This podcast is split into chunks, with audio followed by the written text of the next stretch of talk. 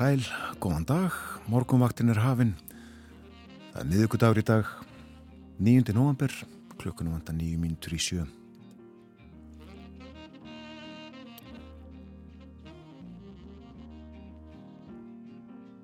Við hugum fyrst að veðri og uh, sjáum að það er nokkur lít á landinu og uh, hiti með uh, allri ströndinni áttastega hitti það sem hlýjast var. En þá voru fjóra gráður í Reykjavík klukkan 6, heiðskýrt, afskaplega fallugur morgun, hægur vindur. Einn gráða í Stafóldsei, fjóra stega hitti í Stikkisólmi heiðskýrt þar, 6 metrar. 5 gráður bæði á Patrísfyrði og í Bólingavík og 10 metrar á sekundu á báðum stöðum.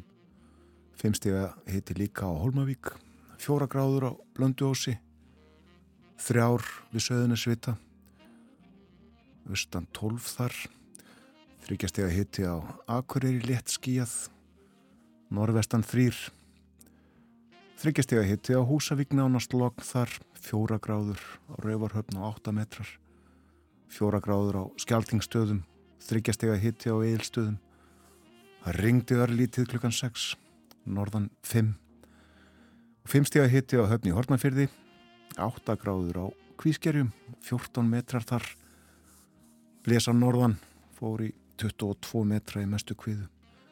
60 hitti á Kirkjubæðaklaustri, 6 gráður líka á Stórhauða í Vestmannegjum og nánast lokn þar, 4 gráður í Árnesi. Örlitið frost á Hálendinu, tveggjastega frost á Holtavörðu heiði og á Hverjavöllum, þryggjastega frost á Sandbúðum.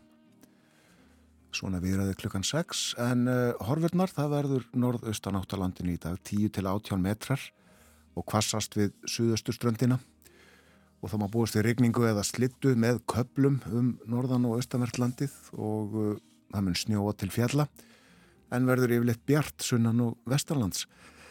En uh, það lægi með deginum og drefur líka úr úrkomu og í kvöld verður vindræðin 5 til 13 metrar og hittast í dag að 5 stegum og það verður mildast sunnan til.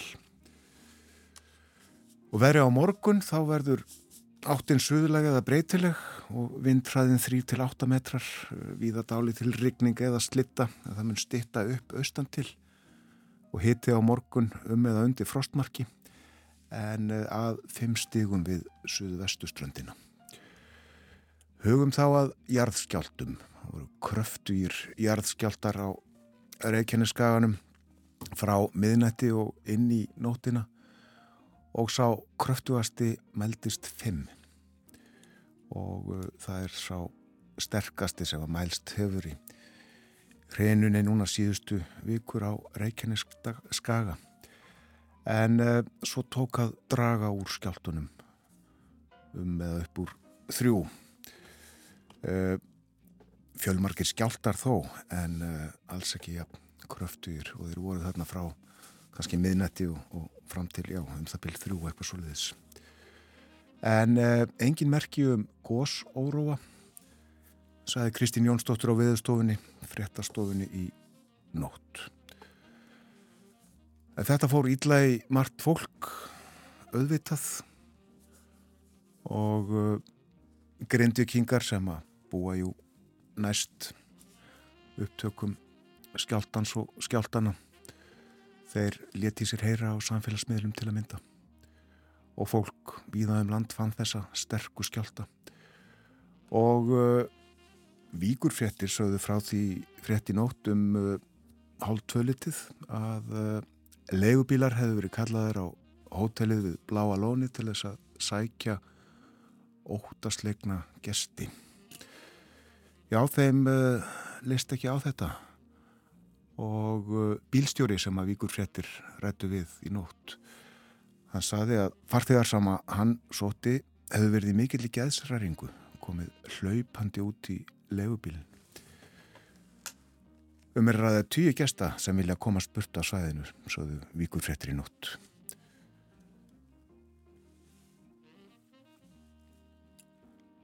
Við fylgjum með þessu vitaskuld áfram.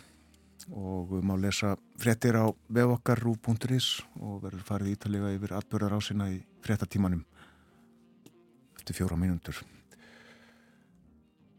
Aðeins að uh, ástandi á vegum, það er hálka víða, uh, til dæmis á Grindavíku vegi. Hálku blettir þar, uh, hálka á Holtaverði heiði, hálku blettir á Bröttubrekku og það er hálka á heiðunum á vestfjörðum, á Stengrimsserðar heiði, Þröskuldum og Víðar. Og uh, það er snjóþekja á Öksnaldalsheiði og uh, jæljagangur þar. Hálka eða hálkublettir á flestum leiðum á Norðurlandi. Og uh, sama segja sömu sögu er að segja af Norðausturlandi hálka eða hálkublettir víðast hvar þar eitthvað einnig um skafrenning það er snjóþekja á Vapnafjörðarheiði einnig á Dettifossvegi og helliseiði Ístri er ófær og þungfært er á fjörðarheiði með skafrenningi það er unnið að mokstri hálka eða hálkublettir víða á Östurlandi og ófært um auksi og uh, mjóafjörðar heiðin einnig ófær. Hálkublettir uh, eru einnig á hluta grafningsveðar, segir viðstofan. Og þetta var svona það helsta af uh, aðstæðum í landinu þennan morgunin. Eitt nefni enn og uh, það er tunglið. Það er uh, lítið þennan morgunin uh, fer minkandi en mánin glæsilegur á söð-austur himninum og ég átti satt best að segja erfitt með að koma mér inn í hús hér í morgun svo fögu var sjónin því undir mánanum sem var býstna makindalegur var Venus Þessi tvö skærustu fyrirbæri nætur himinsins uh, áttu þarna náið og glæsilegt stefnumót eins og því var líst og er líst á stjórnufræði vefnum. En uh, þessi samstæða Venusar og tunglsins já uh, sérstaklega glæsileg segir þar. Sjá hann með berum augum í suðaustri. Og uh, ég hvet fólk til þess að líti út um glugga eða hefur glugga í þessa átt nú eða fara út og sjá þetta. En kannski einu og hálf klukkustund eitthvað svolítið kannski tværi að það byrti þannig að við höfum tíma til þess að sjá þetta berja þetta augum. Það er ímislegt á dagskrá morgunvaktarinnar í dag. Ég get þess þó að Bói Ágússon verður ekki með okkur. Engin heimsklukki þennan morgunin hann er í fríi. Enga síður verður fjallað um Erlend málefni á morgunvaktinni í dag. Um bresk stjórnmál. Meiraðum það á eftir. Anna Sýriður Ólafsdóttir, profesor í næringarfræði verður líka með okkur og uh, Vilborg Davíðsdóttir Ritthöfundur. En ég fer betur yfir dagskrá þáttar eins á eftir. Lítum í uh, blöðin eftir fréttina sem að nú kom eftir mínútu og uh, leikum auðvitað tónlist og höfum augun á jarðskjáltamælingum og vefmyndavélinni sem er ofan á Þorbirni og uh, er linsun jú beintað svart sengi en fréttir hér eftir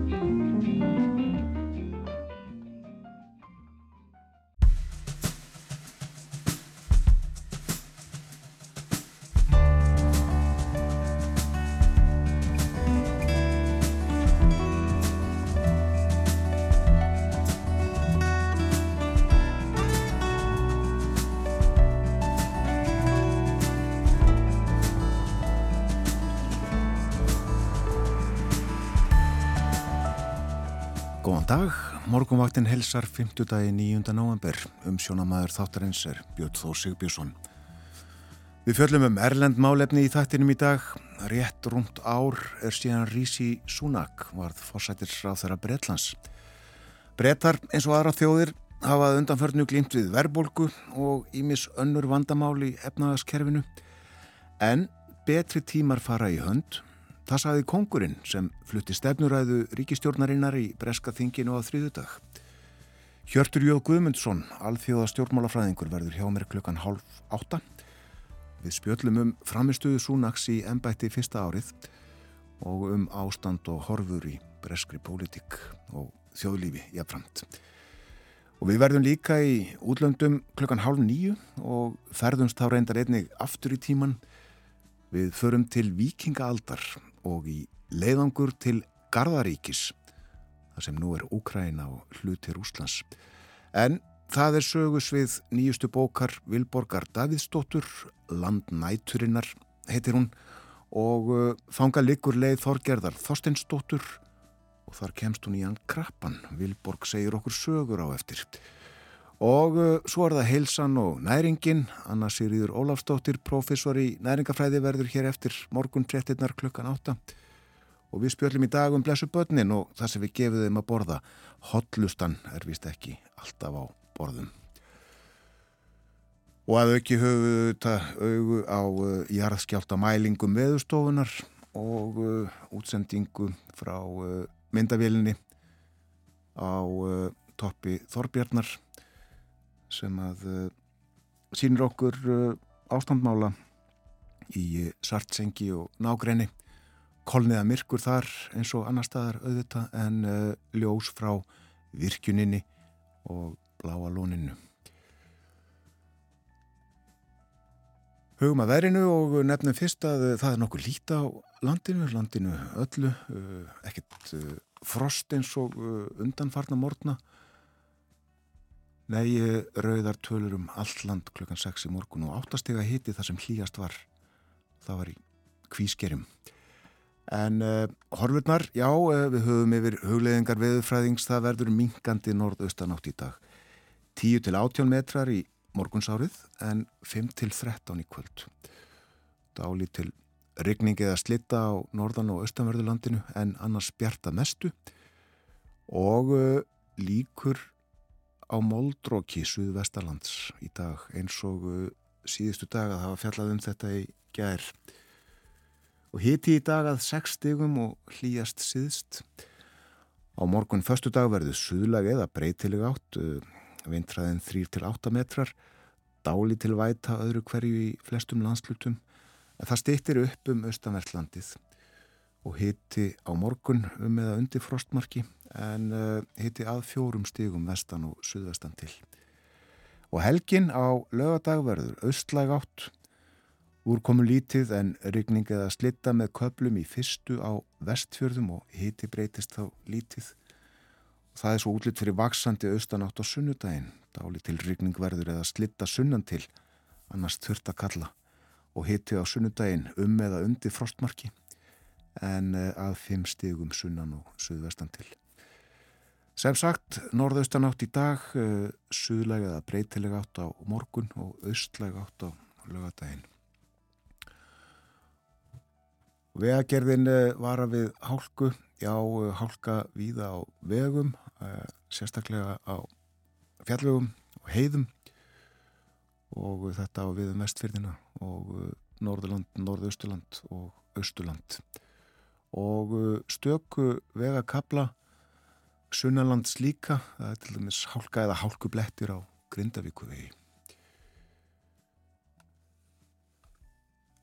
Já, Járskjáltarnir hann var fimm að stær þessi skjálti sem reyði yfir skömmu fyrir klukkan eitt í nótt og höfðu þá nokkrir öflugir skjáltarbæði mælst og fundist áður og áfram helt þessi öfluga skjáltavirkni inn í nóttina til uh, þrjú þarum byll en uh, svo tók skjálftunum að uh, bæði fækka og það dró úr mætti þeirra.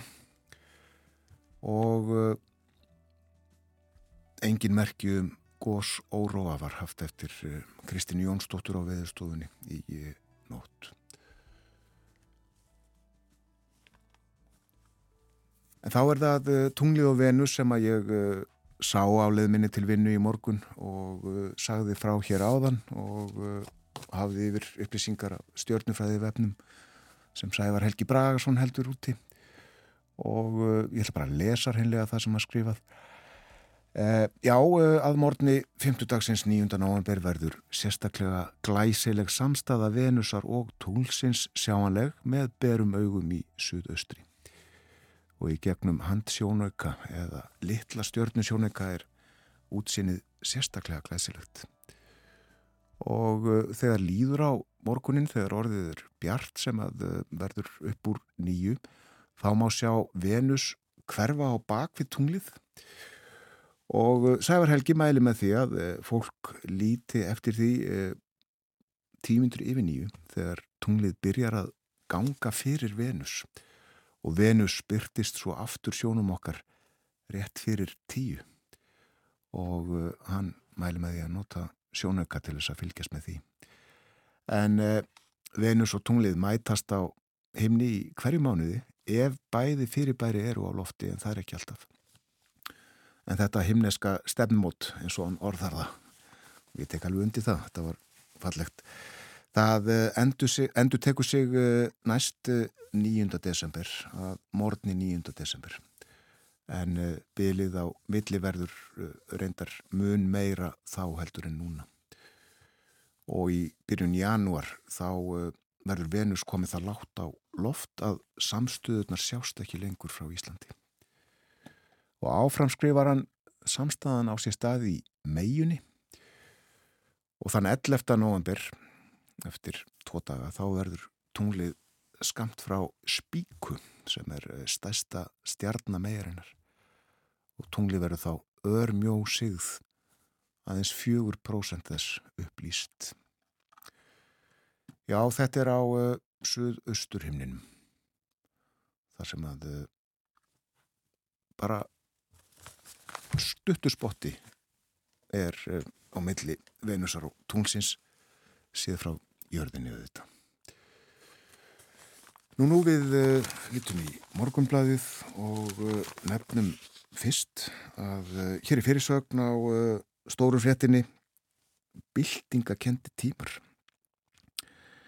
En þannig er að niðurstöður nýra rannsóknar íslenskrar erðagreiningar sem kynntar verða í dag á erfðabreitileikum í Íslensku þjóðinni og tengslun þeirra við ævilengt.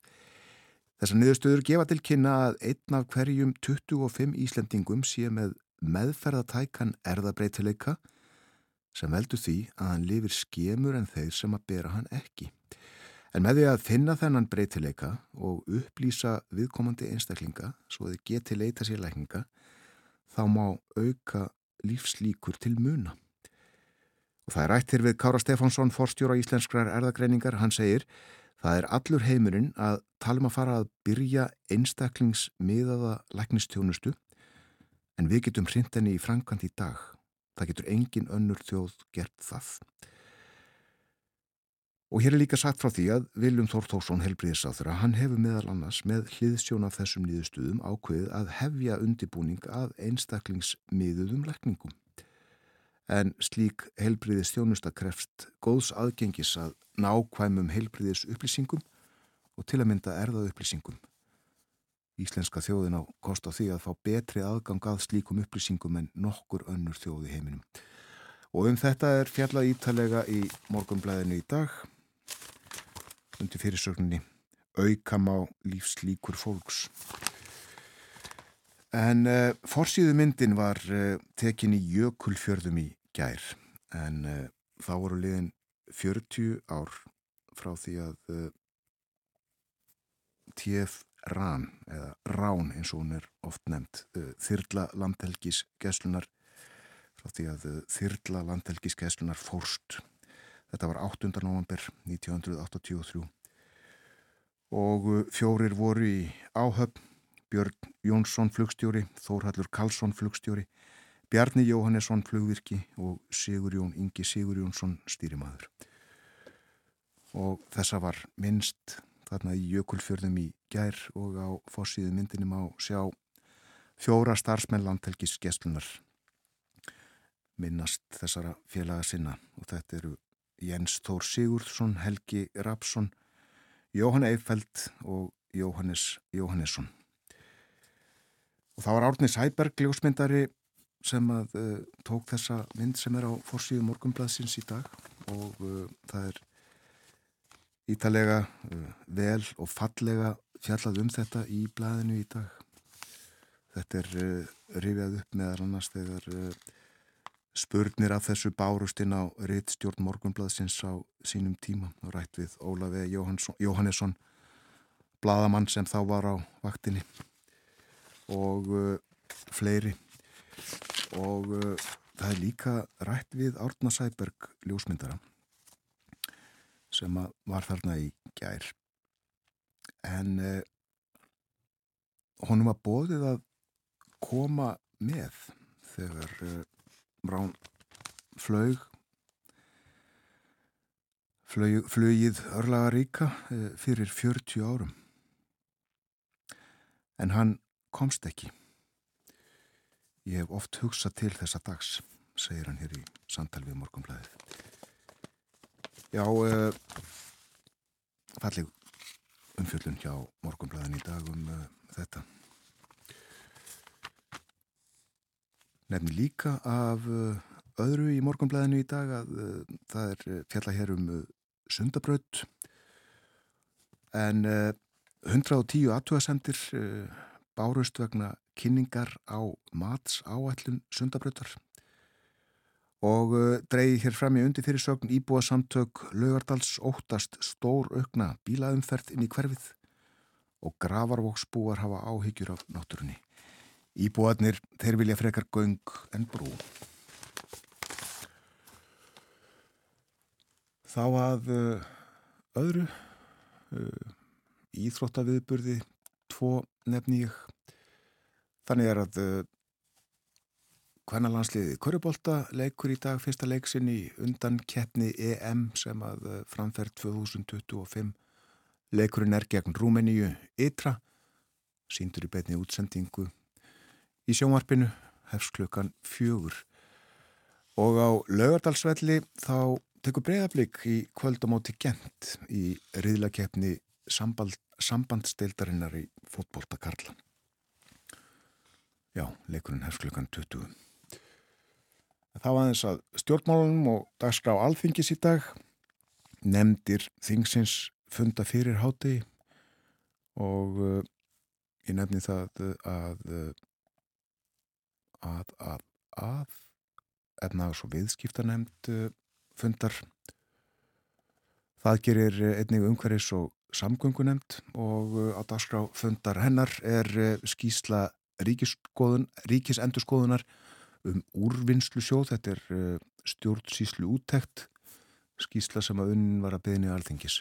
Lokkuð verið fjallað um úrvinnslu sjóð og starfsættina þar og skýslaríkis endur skoðuna sem sé kynnt á fundi umhverfis og samgöngunemndar þingsins í dag.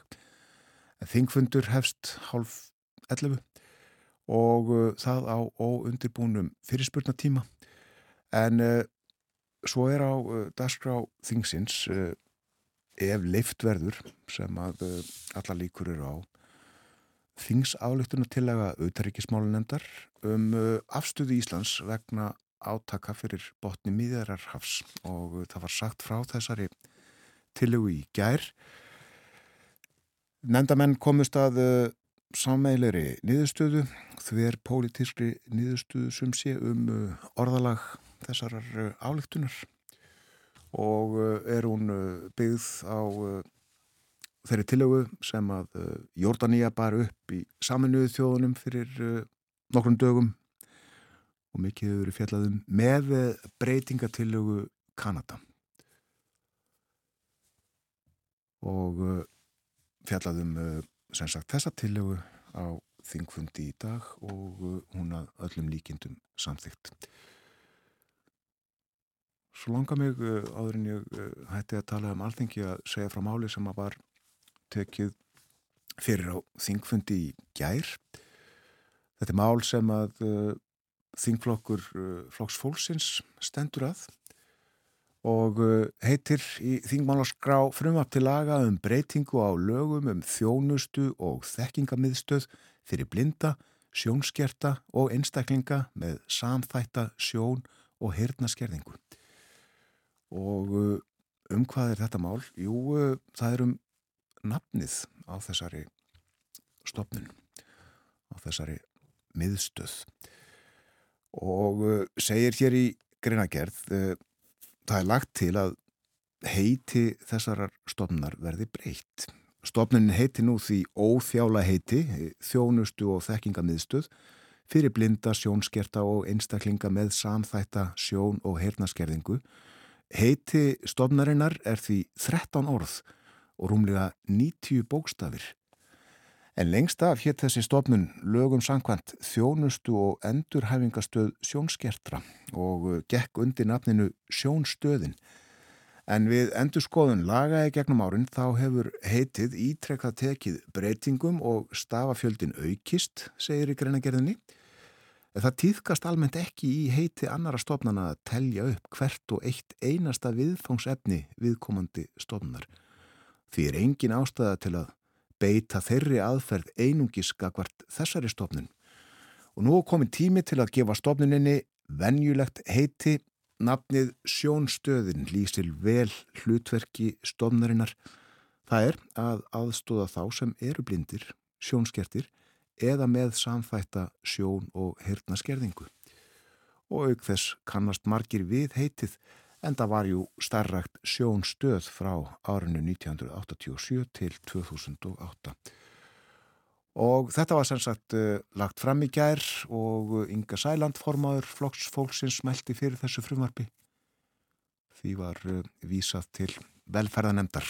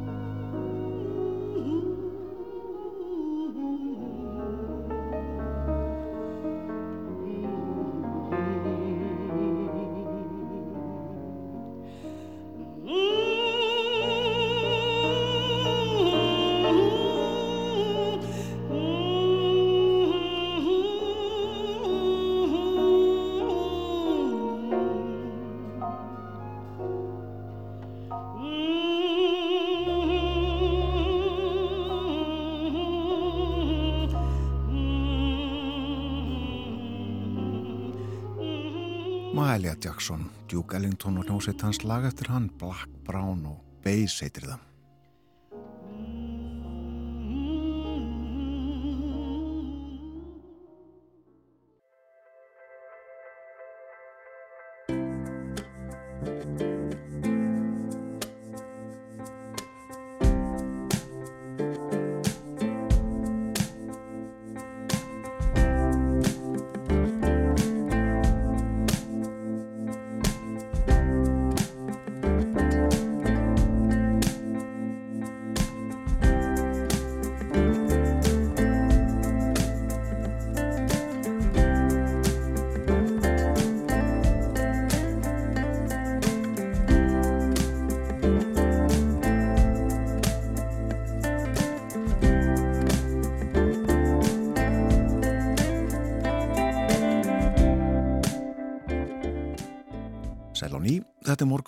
Morgumvaktin á rás 1, klukkan réttliðilega hálf átta, það er 50 dagur í dag, komið 9. november.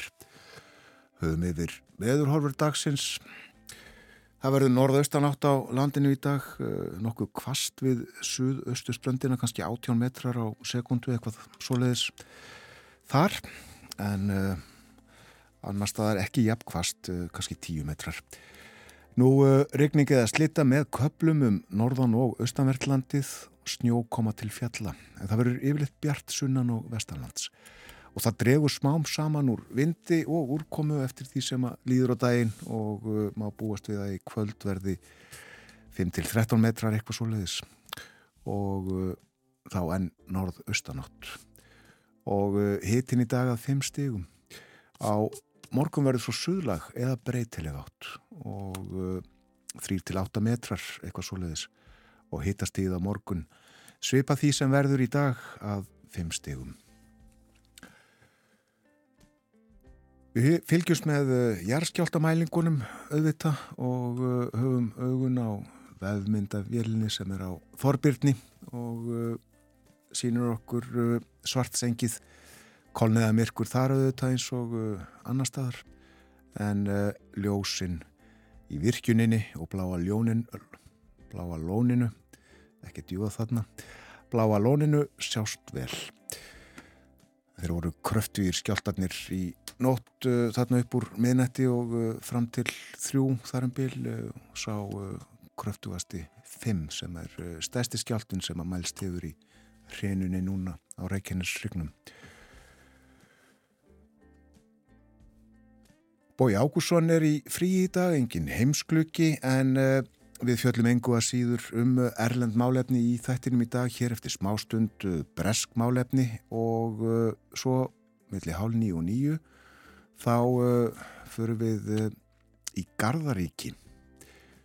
Og uh, já, þegar við tölum um Garðaríki þá þurfum við jú að fara uh, þúsund ár aftur í tíman eitthvað svoleiðis.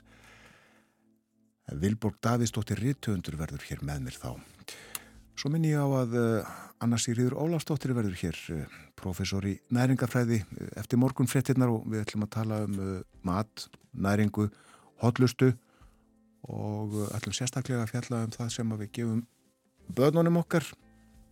En uh, það er vist hotlustunni ekki alltaf fyrir að fara. Meira en þetta á eftir. En uh,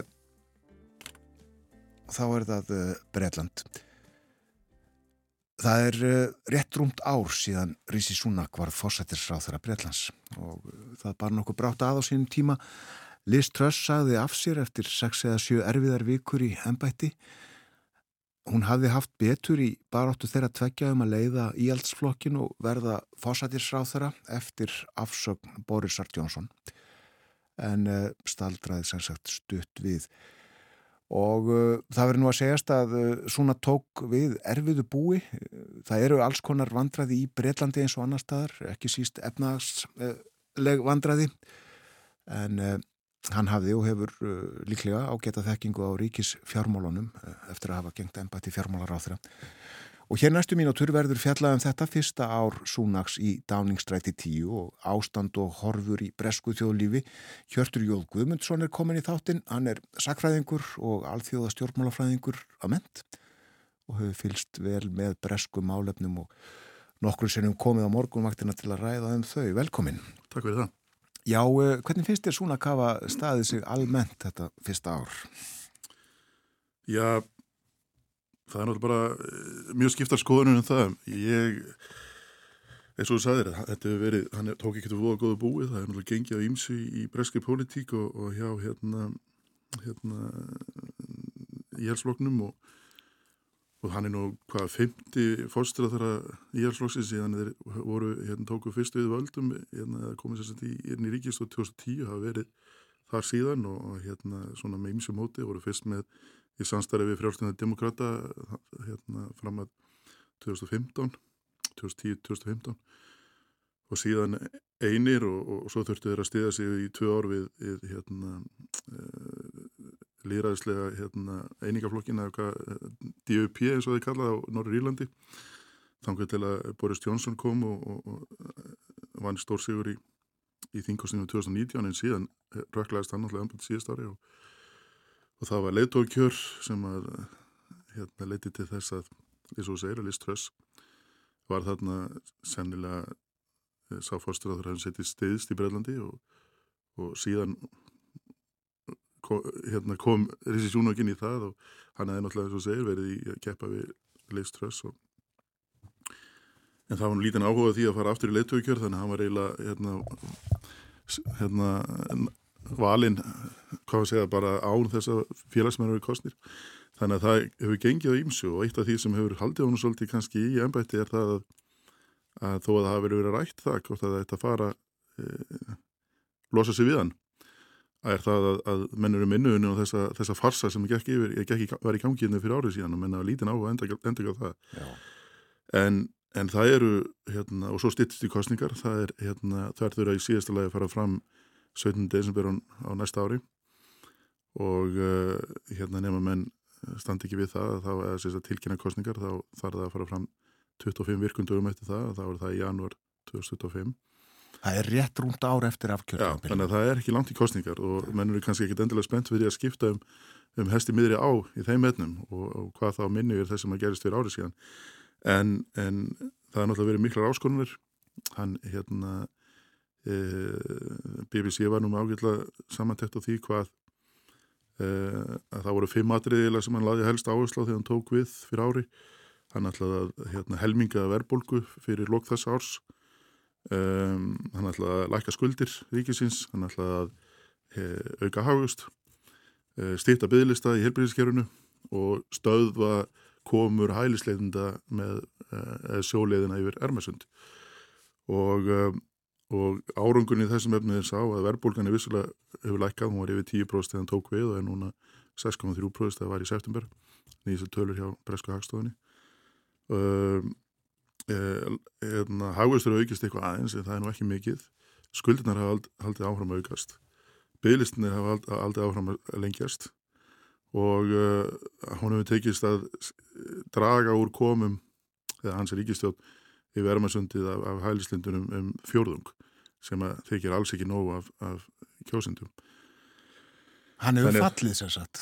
Já, þetta er, þetta er allan ekki, hann er ekki alveg, hérna, þetta er nú ekki mikill árang, eða svo, já, miða við það sem hann settu, setti sér, þau markmið, en, en þetta er náttúrulega ofta sem stjórnmálunum setja sér hálið markmið og, og allt það, en þetta er allan ákveðna væntingar sem að kjósundur hafa klárlega gert til eins og auðvitað á mörgum öðrum síðum mm.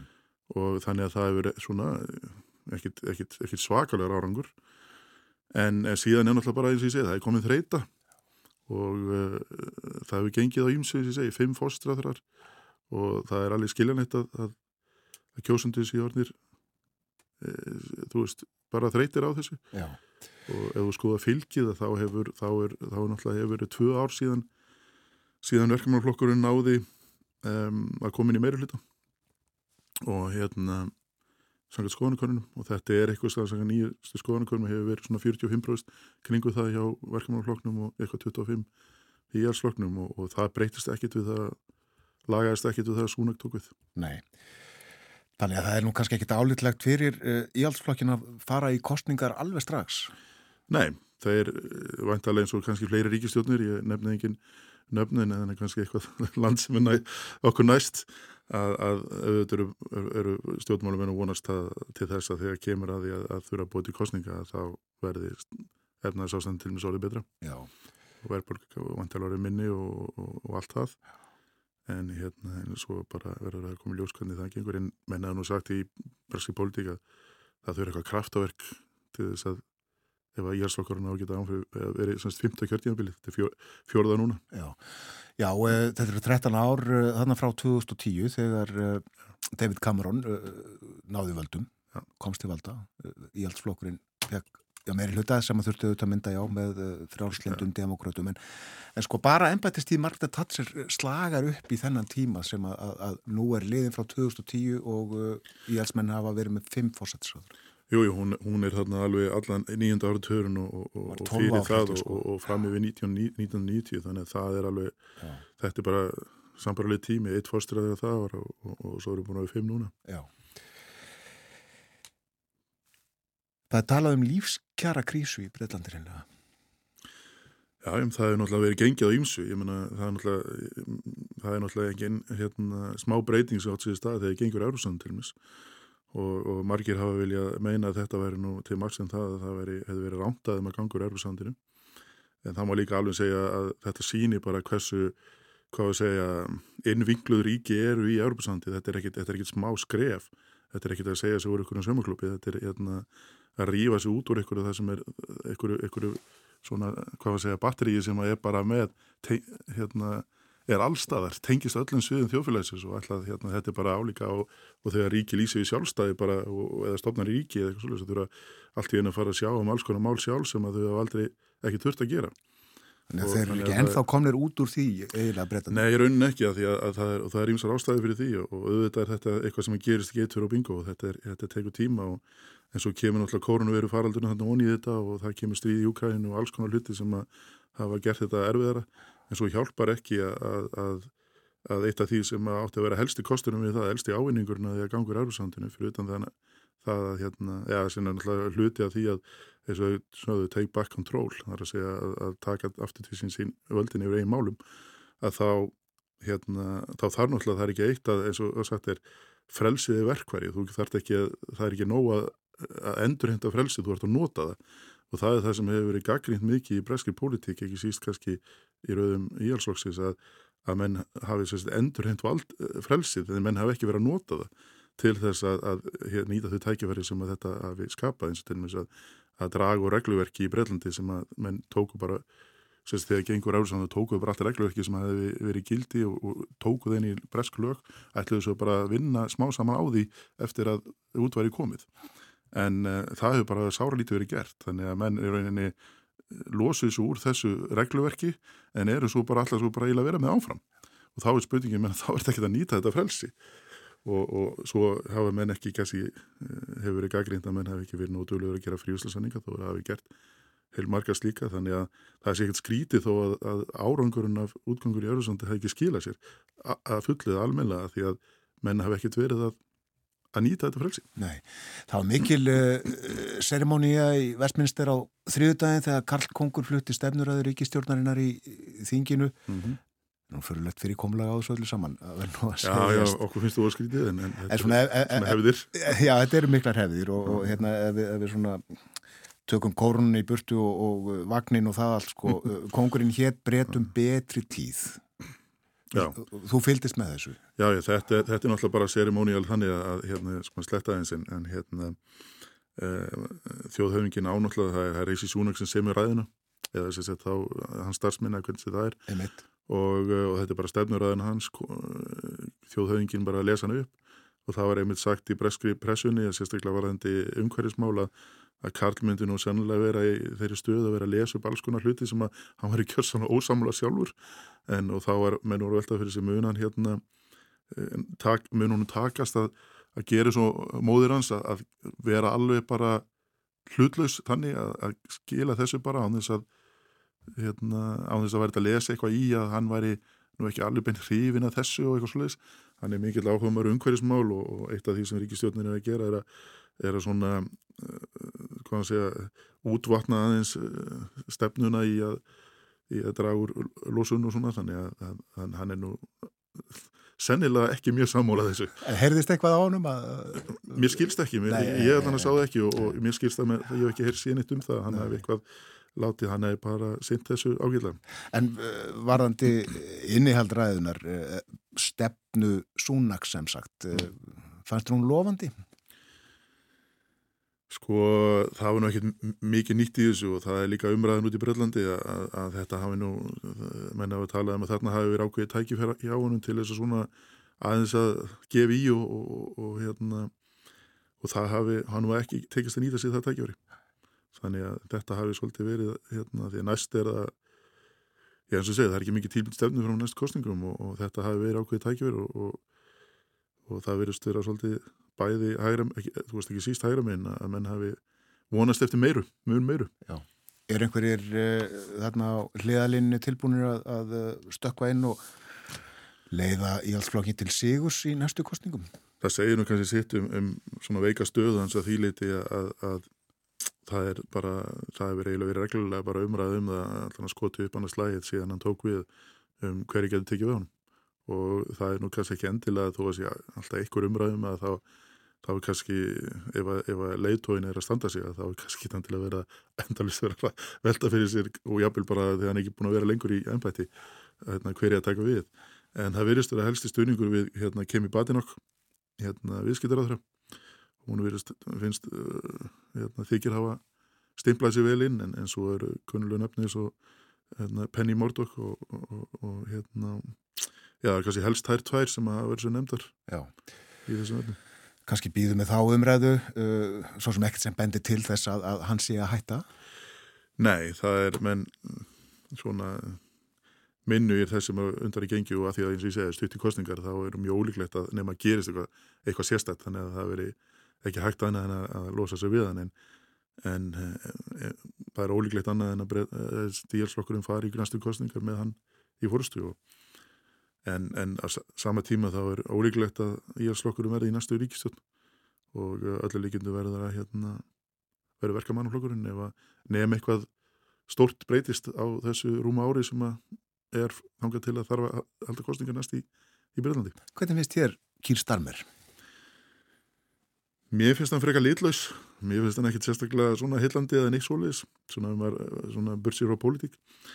En hérna, og það verðist vera svolítið sjónamið í Breitlandi.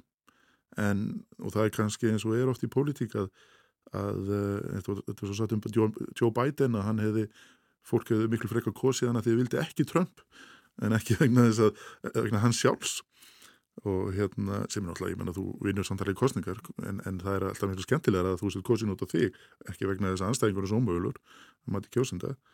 En það virðist vera svolítið það sem að, að, að vinnur með helst með starmir og verkefnafloknum er það bara þessi þreita með jælsokkin og allt þessu andragangu sem við verið í ónum að fólk vilji bara hérna og maður sé fólk sem er eh, svona segja, hugmyndafræðilega á heima í Jálsróknum og hefur samt sagt að það er kjósa starfmera þegar þú hefur verið að skrifa greina en um það að því að það sé bara kjósanlega búið að kjósta upp á Jálsróknum og það er bara alveg til í að prófa bara kannið. Já.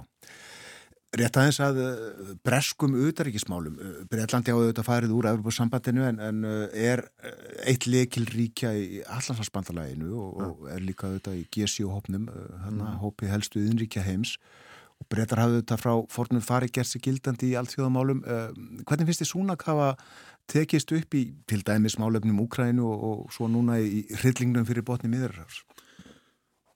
Já, hann er náttúrulega svo sem ekkert gert nýtt hérna, nýtt þannig hann hefur bara haldið upp á sömu stefnu og hefur verið forverunum. Ég meina, Leif Ströss var svo sem alveg þar en hún hafði náttúrulega mikið tíma til að gera mikið en, en, en bara sama stefna í rauninni, auðvitaðríkstefnu og Boris Jónsson með þannig að að stiðja eh, mjög vel við bakið á ókrænumönnum og, og svo náttúrulega kemur þessi stefna, eða þetta stríð þarna fyrir átök hann er bátnið miðrahas og, og þar er rauninni bara þessi sama auðaríkstefna í rauninni og breytar hafa fyllt að minnskast í Ísflokkurinn og að stiðja Ísæl og hérna en, en líka að, að kalla eftir því að það sé reynda að finna lausn fyrir samanlega lausn og, og hérna þessi tökjastóða leið og svo framvegs en en svona almennt séð þá hefur hafa breytar orðið meira ég held að það sé nú ekki óum, alveg óumdeilt eða, eða ekki mikið deilt en að þeir ára meira ábyrjandi í útrækismálum eftir að það gengur öðursandri og uh, það er kannski helst þar sem að þeir hafa svona nýtt kannski frelsitt eða við getum orðað þannig eins og það er hérna talað um það í Breitlandi að þetta sagt, auki sér um til þess að hérna, eða, til að hérna, fara með í mál að um, það uh, voru í ákveðinu fórustu til dæmis í koronaviru faraldrinum voru hérna varðandi bólusetningar og svo framvegs uh, hafa verið í ákveðinu fórustu náttúrulega líka varðandi Úkræðinu og, og hérna gengið meðan Europasandi til dæmis hefur verið mjög heikandi í þeim etnum að því það er bara, ég menn er ekkert sammála þar um hvernig og, og Þískaland fórustu ríkið þar svolítið verðist ekki vilja vita í hvert fótinn að stíga. Þannig að þar hefur allan að til dæmis þessi uh, já, útgangunga breyta á Europasandi alveg verið kannski einna mest ábyrrandi Það er að segja að þeir hafa hérna, nýtt uh, útgönguna til þess að, að veri ákveðinu fórustu í ímsu stórumálum á, á allþjóðu vettangi. En uh, átt uh, fyrir vikið, já, er við að meina ríkismálinn mörg hver eins og fóst yfir á þann? Já, það er kannski bara eins og ég segi, menn hafa ekki, bara ekki farið í þá vinnu sem að átti að gera, maður ekki lagt í það kannski, ég veit ekki, þetta er náttúrulega gríðilega mikið reglverki sem er hérna þar að fara í gegnum og, og hérna og svo hafa nú stjórnmálamenn ekki síst í jæsfloknum verið að að ríðast yfir því að, að, að það sé alls konar flöskuhálsar í, í stjórnsýslinu, það sé embætismenn sem að vilja ekkit draga úr þessu kannski svona Humphrey Applebíls út um allt. Og hérna þeirra mætja mennskusti og, og, og hérna sem eru bara andvýr þessu, andvýr að gangi ráðsundir, andvýr að draga úr sem sagt hvað að segja að, að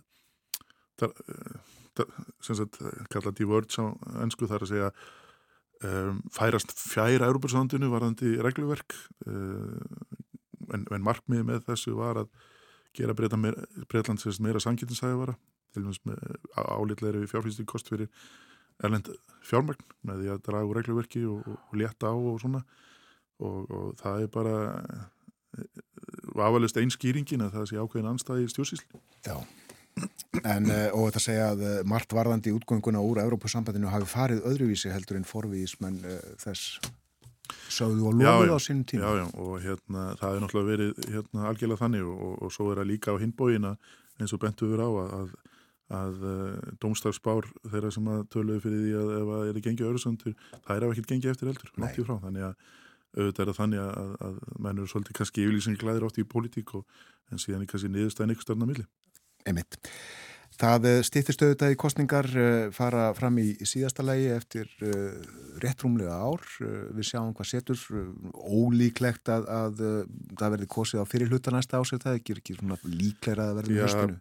Það er alveg þannig í, í Breitlandi að þeir, hérna, minna, hérna á Íslandi eru við volað svona först í þessum fjórum árum nema það kom eitthvað upp á sem að verði til þess að það sé búið til kostninga fyrr eins og svo sem verið dæmi núna síðust árum hjá okkur.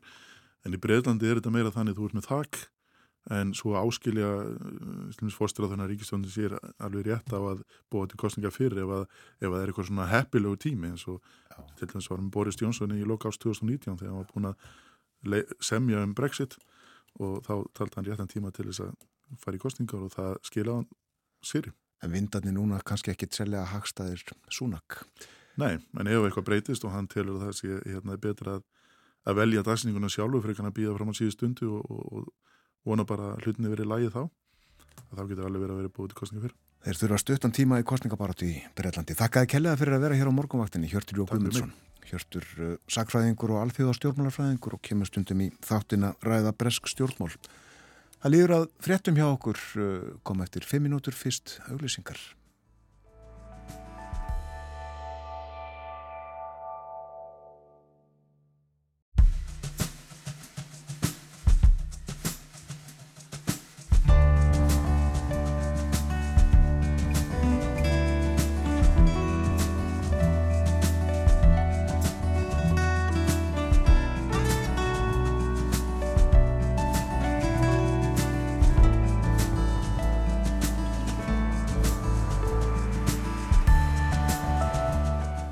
Sæl og ný, þetta er morgunvaktin á rás 1.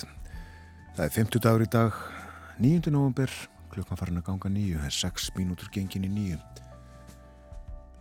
Það farið veðurhorfur dagsins hér áðan verður bara ágættis veður held ég með því segja. Svona í sem grófustu dráttum og uh, ljómandi líka á morgun förstu dag þá verður hæg suðlega eða breytilega átt, stöku skúrir eða jél þó og má uh, búast í því engum suðvestan til á landinu hiti áfram 0 til 5 stig vestan til. Og uh, það snýst svo í austlega átt á lögadaginn 5 til 13 kvassast sunnan til. Hiti mun þá breytast lítið frá því sem verður í dag og morgun. Og á uh, sunnudaginn þá er svo vaksandi austanátt í kortunum. Það mun uh, regna eitthvað jafnvel verða slitta sunnan til.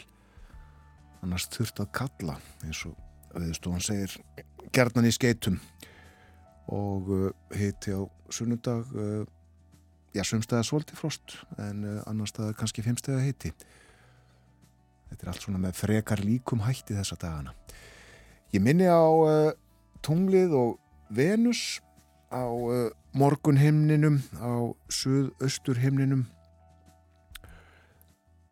Ég minnst á þetta nokkur sinnum í morgun og geri enn einu sinni kannski einu svona neftir fyrir eh, fólk sem að eh, þá verður vaknað og hefur kveikt á útvarpinu. En uh, þetta er einstök sjón á söðustur himninum. Tunglið uh, lítið uh, en makindalegt og venust þarna undir. Og brátt fyrir að byrta og sjónarspilið þar með að hverfa.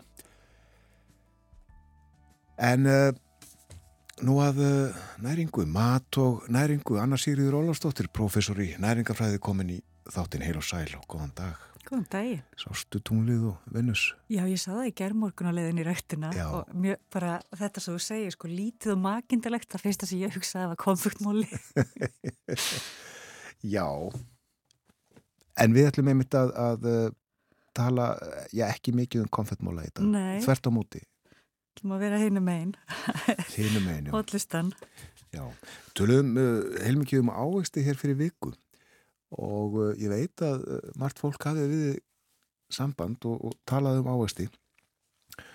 Og uh, við komumst að því sem að kom, ég allavega öðru okkar á óvart að uh, krakkarnir er ekkert sérstaklega hrifnir að því að taka með sér ávexti til dæmis í nesti í skólan.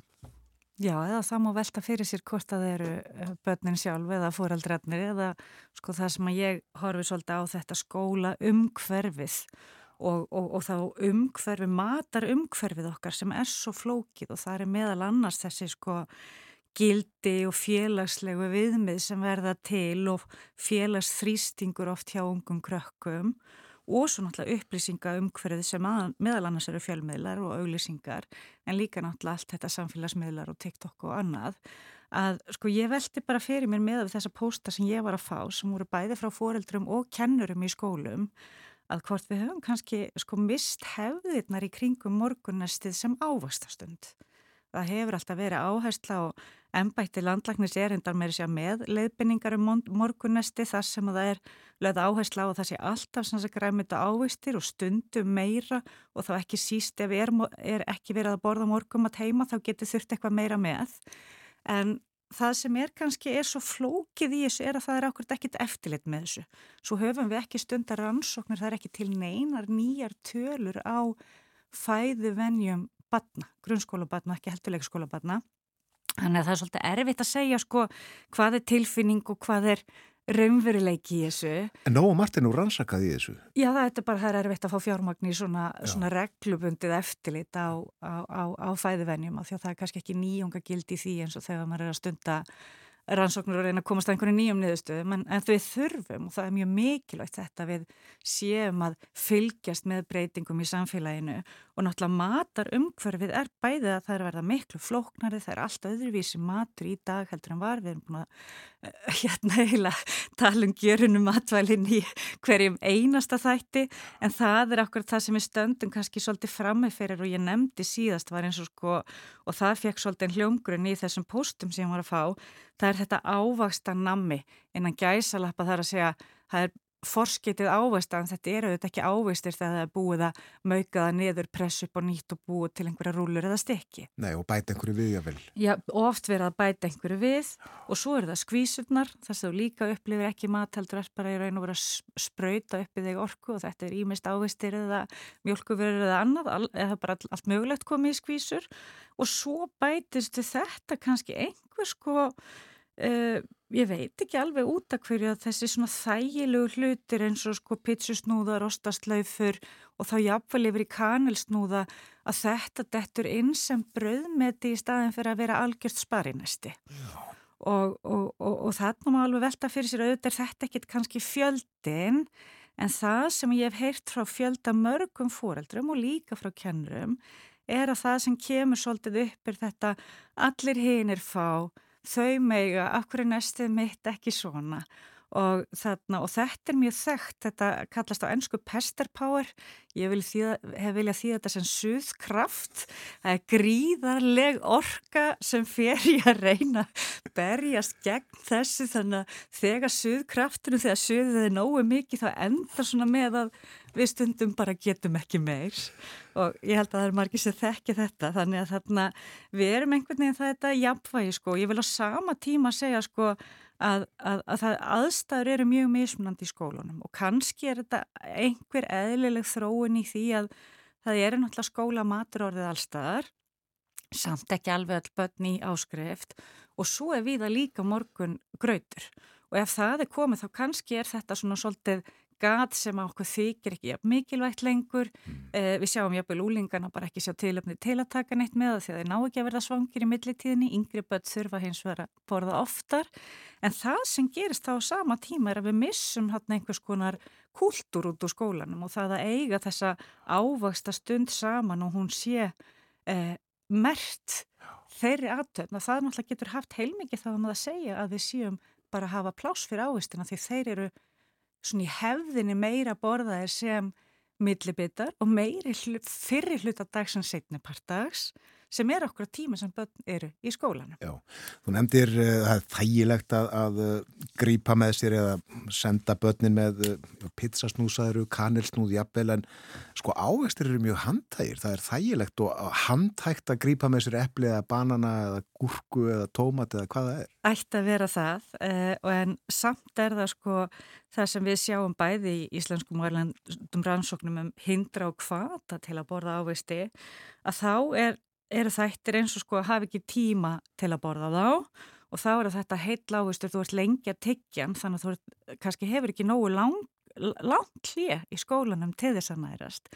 Og við höfum séð þetta í vikjarnum til dæmis rannsókn hjá einu íþróttafélagi 2018 og skoðum sérstaklega þetta hindra og kvata og þá kom til dæmis hjá börnunum þjálfarin gefur mér ekki tíma til að klára að borða ávustin og þau eru að koma beint úr skólanum á, á, á æfingu og þetta er svo knaft, það má ekki borði í rútunni, það má ekki borði í skólastofunni, þannig að, að matar umhverju hjá krökkum er svolítið undir, press, undir pressu, þannig að það er þetta svona tímafaktorinn og svo einhvers konar svona þægjendafaktor og, og svo er ennan að því þessu og það sem við sjáum bara almennt í tengslan við ávist og gremmiti, að það er þetta, ég fennu ekki að kaupa eitthvað sem fer í ruslið eða þarna að því að það þarf að læra að borða þetta Já. að þá kannski er meiri, meiri afgangur í byrjun og þarna við gleymum þessu stundum í ávastaskúfunni og svona þannig að og þetta hefur líka verið stundum viðkvæðið inn í skólunum til dæmis með frambóð að það er að þetta er auðvitað dýrt Og, og út frá því þá vil ég kannski bara nefna sko að það var gerð aðgerðar áætlun um efnahagslega kvata til að bæta fæðuvennir Íslandika 2020 fjellsolti í skuggan og svo skísla kemur út um svipa leiti og COVID þannig að þarna hún svona solti kannski fjekk ekki, ekki, ekki, ekki flugið sem hún hefði þurft að fá. Og þó að þar væri fyrst og fremst verið að leggja áherslu á því að, að, að sagt, auka álögur á sigraðarvörur og þá sérilegi sigraðar góðstrykki að þá var þar líka og hinn af stóru aðgerðunum sem var lögð til var að hafa skilert að styrki fyrir grammetis og ávestastundir í leik og grunnskólum. Og þetta hefur ekki gerst en gæti breytt mjög miklu því að það er alveg dæmi um að það hafi dreyið úr frambóði í spartnarskinni inn í skólunum. Það er að segja annarkvort hafi fækkað tegundum eða minkað magnið Og, og þetta hefur auðvitað mjög mikið að segja. Ráða alltaf peningarnir Ra á endan? Peningarnir ráða alltaf miklu og það er einhver þetta að við verðum að hugsa okkur þetta sem langtíma markmið, hvað erum við að leggja inn, hvað erum við að hafa áhrif á og, og sko tækifæri til að hafa áhrif á mataræði gegnum skólakerfið er svo gríðalega stort. Ef við horfum til dæmis á leikskólana og þar eru ávistastundir, en að það sem ég var að tala um og póstatni komu allir frá grunnskólunum, tek það fram En í, í, í leikskóla þá eiga börnun að vera að fá um 70% af þeirri orku og næringarefni sem við þurfa yfir daginn. Það er að segja að því að máltíðarnar er svo stór hluti af dagsskipulæginu mm. í leikskólanum og þá náttúrulega er bara að fara að hafa gríðalega áhrif hvað er gert.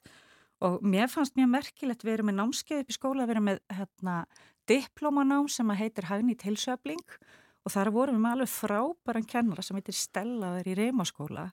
Og hún fekk mötunitið í skólanum til liðs við sig þar sem hún bara fekk að taka sko salat, það var svona eitt stort boks fyrir salati þar sem bönni gáttu fengið sér græmit og það var blandað, það er að segja að þú voru salatblöð, gúrkur og tómutur og paprikur í mismunandi litum. Og hún bara fekk þau til að setja allt í sikkvart hólfið bara svona lítil breyting viku neistlan hjá bönnum á græmiti fór úr 3 kílóum í 47 kíló. Þetta er 1500% aukning. Fannst þið að það bara gyrnilegra að sjá þetta hvert um sko, sig? Já, það býr til ákveð öryggi, þá veistu hvað þú ert að fá, þú ert kannski ekki að þú ert, ert ekki hrifin að salatblöðunum, þau voru þau sem voru minnst vinsal af þessu þegar þetta var allt komið í sikkvart bóksið. Skiljalega kannski. Þá var það, var það hindrin til að sko taka til að fá paprikuna að það varstu kannski ekki viss að þú fengi jafn mikið paprikuna þið langaði í. En þetta var okkur stór kostnæðilegur og hún var með kynning á þessu á mentakviku upp í háskóla um daginn. Og þá sko komu spurningarnar og sal þetta er skólinn tilbúin að borga þessa viðbót?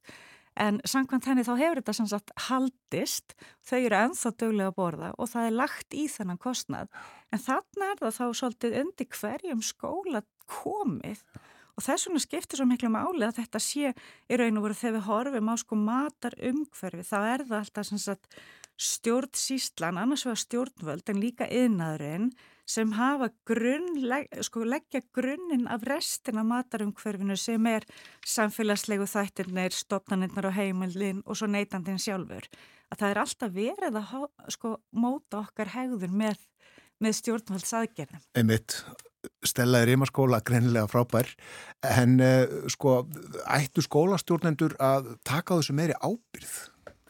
Já og eins og ég segi sko í dag er ekkert eftirlit er, og ég vil bara taka það fram að það eru margir að gera algjörlega frábæra hluti en þetta er fjármagnir sem er svo stór hluti í þessu en það er kannski ekki samt það sem það kvelvist um þegar við erum að horfa á þessi beinu áhrif eins og með nestið sem kemur að heiman. Normen hafa verið með síðan 2007 verkefni sem heitir skólafrökt Það er að segja þeir eru með ávist í ímist í áskrift sem ég veit að sömur eru með hérna á Íslandi líka og þá oft niðugreiða sveitafélagin þetta. Mm. Og þeir voru bara að gera könnu núni í síðasta mánuði þar sem ég sjá að þetta er sagt, krökkunum finnst þetta skemmtilegt það er aðlæðandi, það er hópefli allir séu með sömu tegund þú ert að upplefa eitthvað nýtt. Aðtöfnin að borða er svo félagsleg og það er svolítið annað heldur en að vera kannski með sko banana sem fór í töskunni gæru og þannig svolítið eh, sko rakslutan í skólatöskuna og Já. þannig að það er allt annað að koma með ávist að heimann því miður. Lúin uh, banan er verulega ólistuður. Já, eins og hann er æðislegur að hann er nýr. Akkurat, en uh, krakkar eru þetta ekki bara í, í skólanum, þau eru á alls konar uh, samkomum og íþróttamótum og viðburðin sem að standa kannski heila helgi. Ég veit að, að þú þekki konur sem hefur fylst mjög vel með eh, því sem er í bóði á svona íþróttaviðbörðum. Já, það er hérna, sko, nefnendur hjá mér, bæði meistar og dóttarsnefnar hafa talsvest skoðað þetta og ég nefndi þarna rannsók sem við gerum 2018 í Íþróttafélögum og það er náttúrulega oft þannig að svo, þetta er eitthvað sem við alltaf skoðum til dæmis hjá nefnendum okkar að fara út, út, í umhverfið að því að kenna líka Íþrótt og helsufræði. Já og það sem að kemur þar aftur og aftur fram er þetta okkur gengur svo illa að breyta hlutum eins og í kringum fjárablanir, sjoppan þegar það eru viðburðir. Að þar er breytingin svo hæg af því að það er svo lítið hægt að leggja á verðið á ávöstunum að það er einhvern veginn alltaf þessa vöru líka sem er hægt að henda aftur í geimsleðar seldust ekki og svo framvið sem fara mest Eh, við getum þá líka sér sko annars verður þetta svona fjáraflanir á viðbörðum en svo er það þetta sem börnin eru sendi að selja til að sapna sér fyrir ferðum. Eh, þar er maður sem betur fyrir farin að sjá meiri fjölbreytileika. Þetta var til skamstíma bara salget og klósupapir. Eh, við sjáum í dag harfisk, gulrætur, pizzadeg og alls konar. Og þetta er eitthvað sem bara íþróttafélagin þurfa að móta sér markvisa stefnu. Við séum bara gegnum gangandi að bóða eblingu heilsunar og að sé heilsu stefna út í gegn. Og þar er stundum svona einhvern veginn, stundum kemur þetta viðkvæði að ef að börnin er að reyfa sig þá sé hitt nú allt í lei eða þetta sé ekki en, en þetta er svo áhrifamikill vettvangur. Og þarna má líka segja bara áhrif og ábyrð eldra íþróttafólks í hvað það auglýsir, hvað setur, setur nafnið þetta við af merkjum og vörum? Því að fullatnafólkið og eldri ískendur eru fyrirmyndir og við sjáum bara eins og hvað margir íþrótta viðburðir heita eftir eh, matvörum og þá sjálfnast að það sé mert einhverju hotlistu. En miklu eðilega að uh, íþróttarhefingi sæli gullrætur heldur en lakrís. Já. Það segir sér sjálft eða. Jú, en þetta er svona bara sko, það er svo svakalega mörg tækifæri í samfélaginu En við þurfum að leggjast á eitt og þetta þarf að vera þetta að samfélagslega umhverfið okkar matarumhverfið takir breytingum að heimilin og stopnarnir þar með talið okkur að félagsmiðstöðarnar, íþróttahúsin, skólinn, vinnustæðarnir eru oft komni lengri í þessu þegar það eru meiri peningur. Já. Þannig að, að, að, að þetta er bara og þetta er að við horfum á matarumhverfið þá er okkur sagt sko það eru mörg mörg mótel til, þau eru öll nokkuð sambarlega en þau lýsa þeim möguleikum sem við höfum til að nálgast mat og drikk í ákveðnu umhverfi og þeim þáttum sem hafa áhrif. Og í sjálfu sér þó að sko, við hugsaum oft þetta, já, barni vill ekki þetta og hitt og eitthvað svona, að þá er í sjálfu sér sko við getum móta smekkin til til að auðveldalega með aðgenginu en þá þarf að gera óhaldlistuna ósýnlega móti og þá er ekki að tala um að felan og læðast sjálfur sem foreldrin í skáp og borða eitthvað og þau heyra brakkið heldur þetta að, að það sé ekki keift einn og það sé ekki á á skólatíma, ekki sínilegt í skólanum, ekki sínilegt í frístundaheimilinu eða í þróttamiðstöðinni. Já, en nýkkjum á því sem þú nefndir hérna áðan, Anna Sýriður, að uh, til er nokkur sem heitir söðkraftur og máttur hans er mikill. Já. en fólk verður að vera stert, sína styrka hvað söðkraftur. Já, en umhverfið þarf að hjálpa okkur því annars er bara sem fóreldri að standa eitt í söðkraftinum getur verið ansi mikið á að naðra streyti dagsins. Þakkaði fyrir að vera með okkur í dag. Þú verður í, í, í frí í næsta fymtudag? Frí í næsta fymtudag, kem svo ferska ráðstöfni vikun eftir, öruglega með eitthvað spennandi. Ég hlaka til, takk aftur í dag. Takk. Anna Sýriður Ólastóttir með okkur hér eh, á fymtudögum profesor í næringafræði í dagskráliðinu með ráðlaður dagskamtur.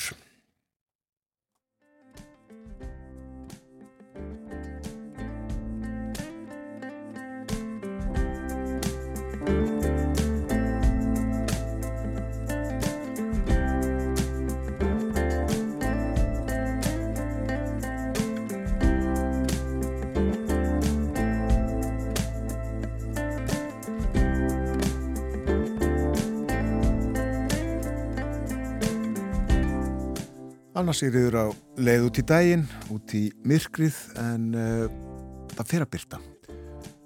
Held að það séu kannski svona, 20 mínútur, 15-20 mínútur í að það fari að gerast en uh, það gerist hægt. En það verður bjart. Svo fer að skikja aftur. En vonir á Vilborgu Davísdóttur Rittöfundi sögustund á morgumvaktinni hér eftir fréttaðeflitið sem að kemur eftir stuttastund við heyrum fyrst auglýsingar allt með hefðbundum hætti hjá okkur.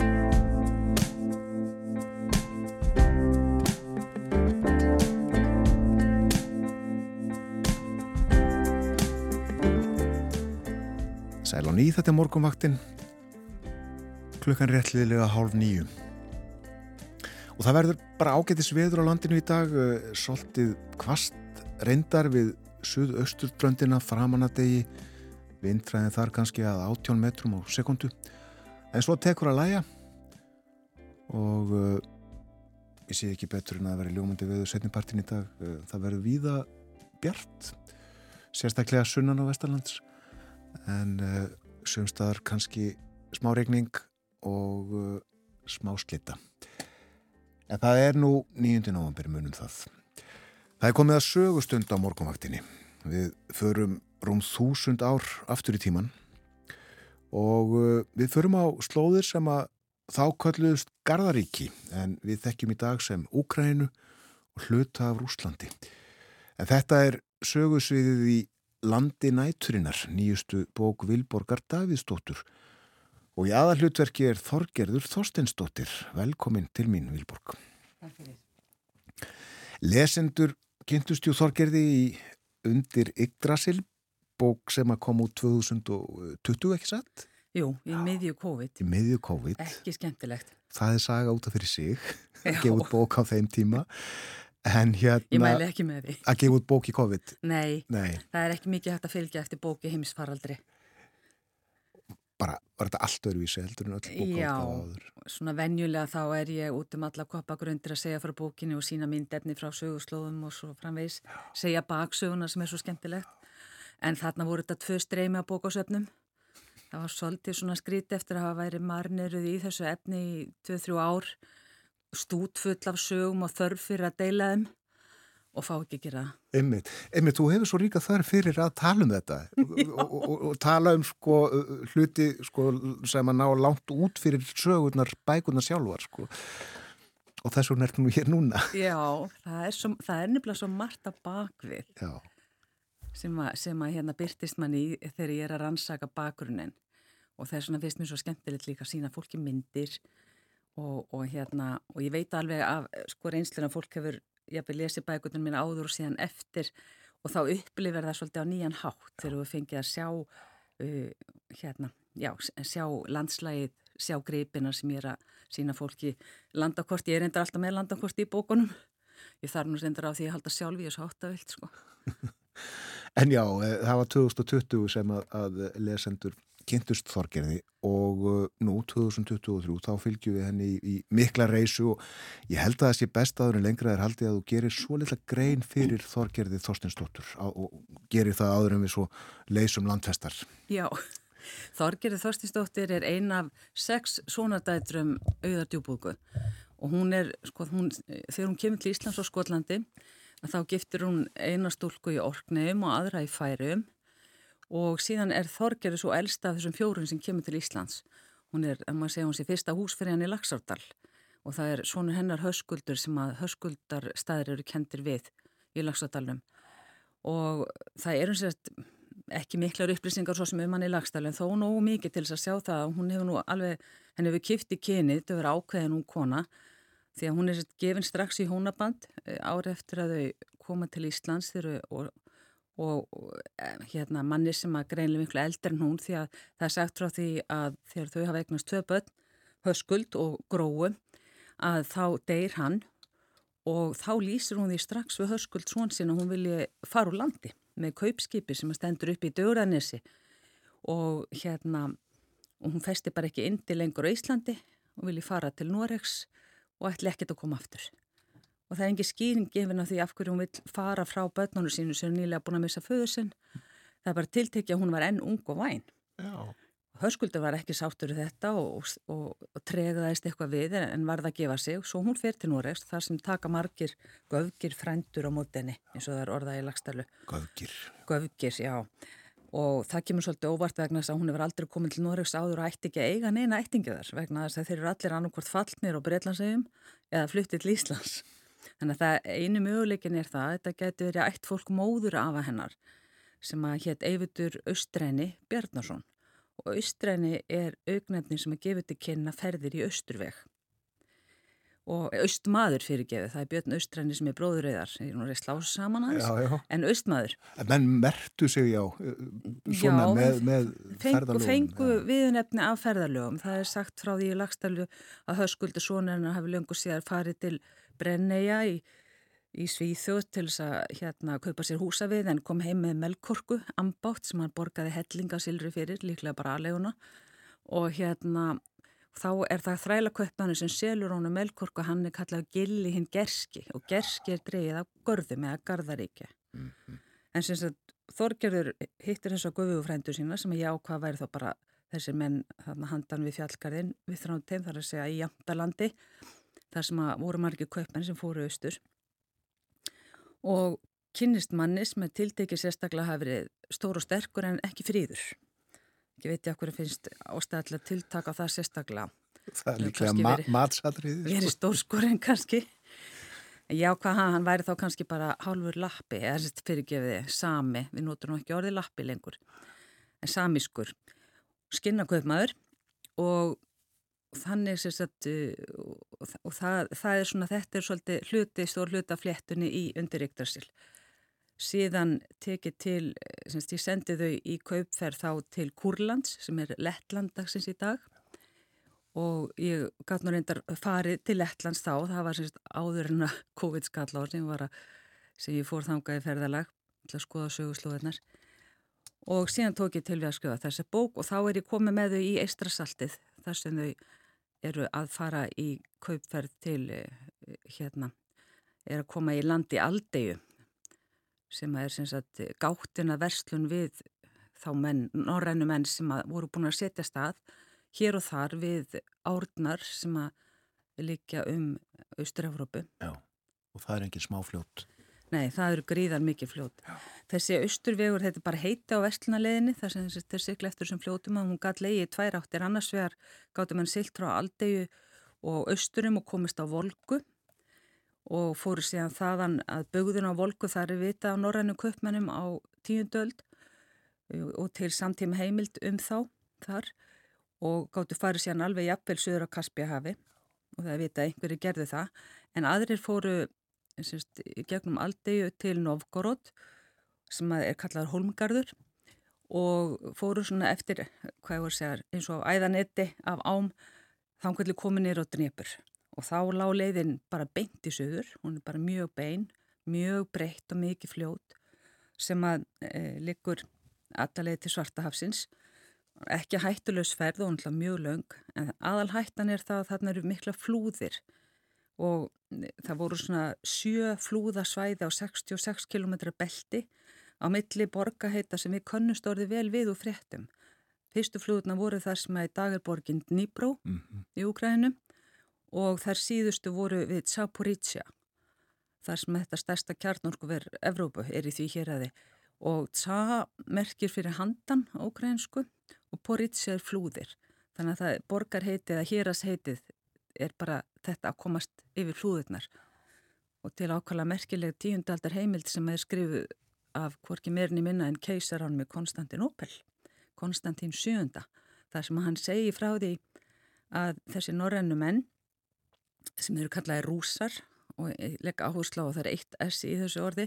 Þetta er einhvers konar, eh, hann, þeir eru kynntið til sögu í rúsneskri heimild sem, sem hérna, menn sem komi, hérna, komi af þeir séu ættbolkur af, af hópi væringja. Og, og hérna, þeir syns að nú misti ég alveg þráðinu því ég tala svo mikið. Hvað var ég að segja? Þú erum að útskýra rús. Já, rús, já. Þetta er nefnilega, sko, bæði úkrænumenn og rúsar, þeir vilja eiga svo upprunarsögur sem er í þessari tíundaldar heimild sem að hérna er kölluð saga liðina ára og uh, það er svona, hún er svolítið góðsagnakent, hún er skrifið um sviparleitt eins og snorretta, eða svona hún er kannski fyrr, líklega tekið saman í kef eða kænugarði eins og hann heitir 1113 og það er svona dregin sama saga þess aðdrand að þess að þessi menn komu fyrst. Já. og þá er þetta þrýr bræður og það er vel þekkt svona í góðsöglu upphafi e, merkra ríkja að það koma bræður og svo drepa er hver annan eða semst, og svo endan er eitt sem ríkir eftir og hann er kallað Rúrik og það verður hræreikur í minni bók Já.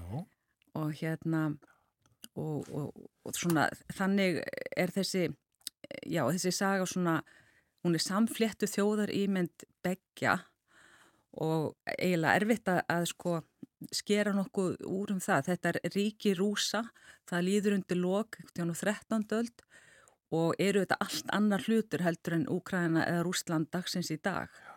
En samt fannst nú Vladimir Putin við þegar hann vitna í þetta halva ári fyrir innrásina. Já. Þá tók ég eftir því í bara fréttum að hann væri að vitna einhverja gamla heimild og fór að lesa og þá haldið svona gríðala langan fyrirlestur þar sem hann var að, að réttleita það að rús, rúsar og úkrænumenn það væri raun rétti einn þjóð og hefði alltaf verið það og vitta svo í mann sem að e, hérna segir í þessari sögulíðina daga að e, að kef eigi að vera móðir allra borga í rús.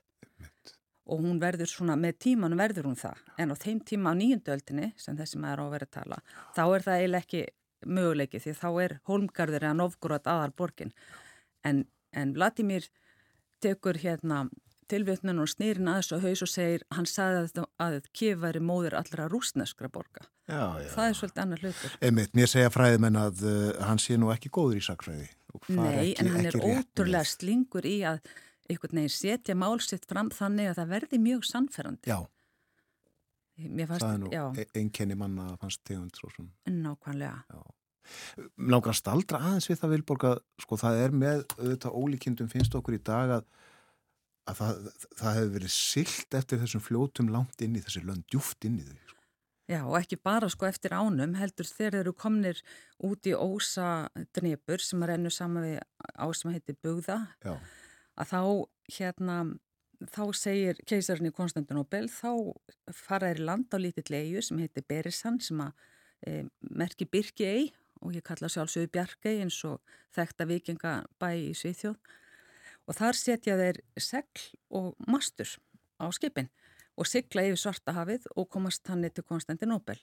En það sem er svo einkennlegt í þessa frásögn er það að áður er hann búin að segja að, bátarnir sem þeir að fara með niður árnar, það séu, hann kallar það á grísku mónu og sílón. Mónu því er einn og sílón er tre, eintrjáningum. Og þeir fá þá hjá einfættum, þó aðeins botnana og búa þá út sjálfur með keipum og öðrum búnaði sem þeir eiga af eldri eintrjáningu sínum. Sapna saman í kef þegar Ísa leysir á knepur og, og hérna vatnið reyðist fram þannig að þá er kannski auðveldar að komast yfir flúðurnar en þeir geta samt ekki farið strax vegna þess að eitthvað þarf að sjatna því að menn verða að róa hraðar heldur en áinn streymir og heyrða ég er búin að liggja svolítið vel yfir þessu og sko eintrjáningar hvernig ætlar að setja segl og, og siglutri á það sem þeir hafa haft með sér frá kef og allarleið þarna niður til svartahafsins það er einhvern veginn ekki viðlit nema eins og ég get mér til og seti framkvæmdi þessari bóka þegar hafi búið til pramma og fest á saman. Og það er svo vilt svo skemmtilega til að í njálu þá er sagt frá manni sem heitir Áskrimur Elliðagrímsson mm. og ég tók þetta orð Elliði sem er fornt skipa heiti og setti á þessa eintrjáninga. Það eru orðsegafræðilega rauk fyrir því, það er til fort slavnist orð fyrir svona báta sem er mjög svipað. Og mér tókst að finna norskan fræðimann sem að hérna sem að hérna sagði að þetta geta alveg verið. Og hérna þannig að ég syns að lætt þá setja saman pramma úr þessum elliðum og hefur auðvitað skipast með þeim sem að finnur upp á að setja búa til prammana. Hann er auðvitað kallaður elliða grímur Já. Og svo er ég alltaf nýflutt í elliða dal elliðar dal þannig að mér finnst mjög gaman að skemmta mig við þetta en Já. það eru alveg rauk fyrir þessu Já, en þú lætur er ekki duga að, að sjá einhverja heimild frá þessum tíma og setja hana inn í verkið þetta þarf að gangu upp, þetta þarf að vera hægt. Þetta þarf að vera hægt, þannig að fyrsta sem blasir við manni þegar maður skoðar þessar heimildir er bara hvernig óskopunum fóru þeirra þessu. Af því að, sko, já, það er eiginlega bara einhvern veginn útloka. Til, til, til dæmis eru þessar flúðir, það, maður getur séð fyrir sér það sem er takt að fara þar með svona á svona kanúum eða eintrjáningum. Mm.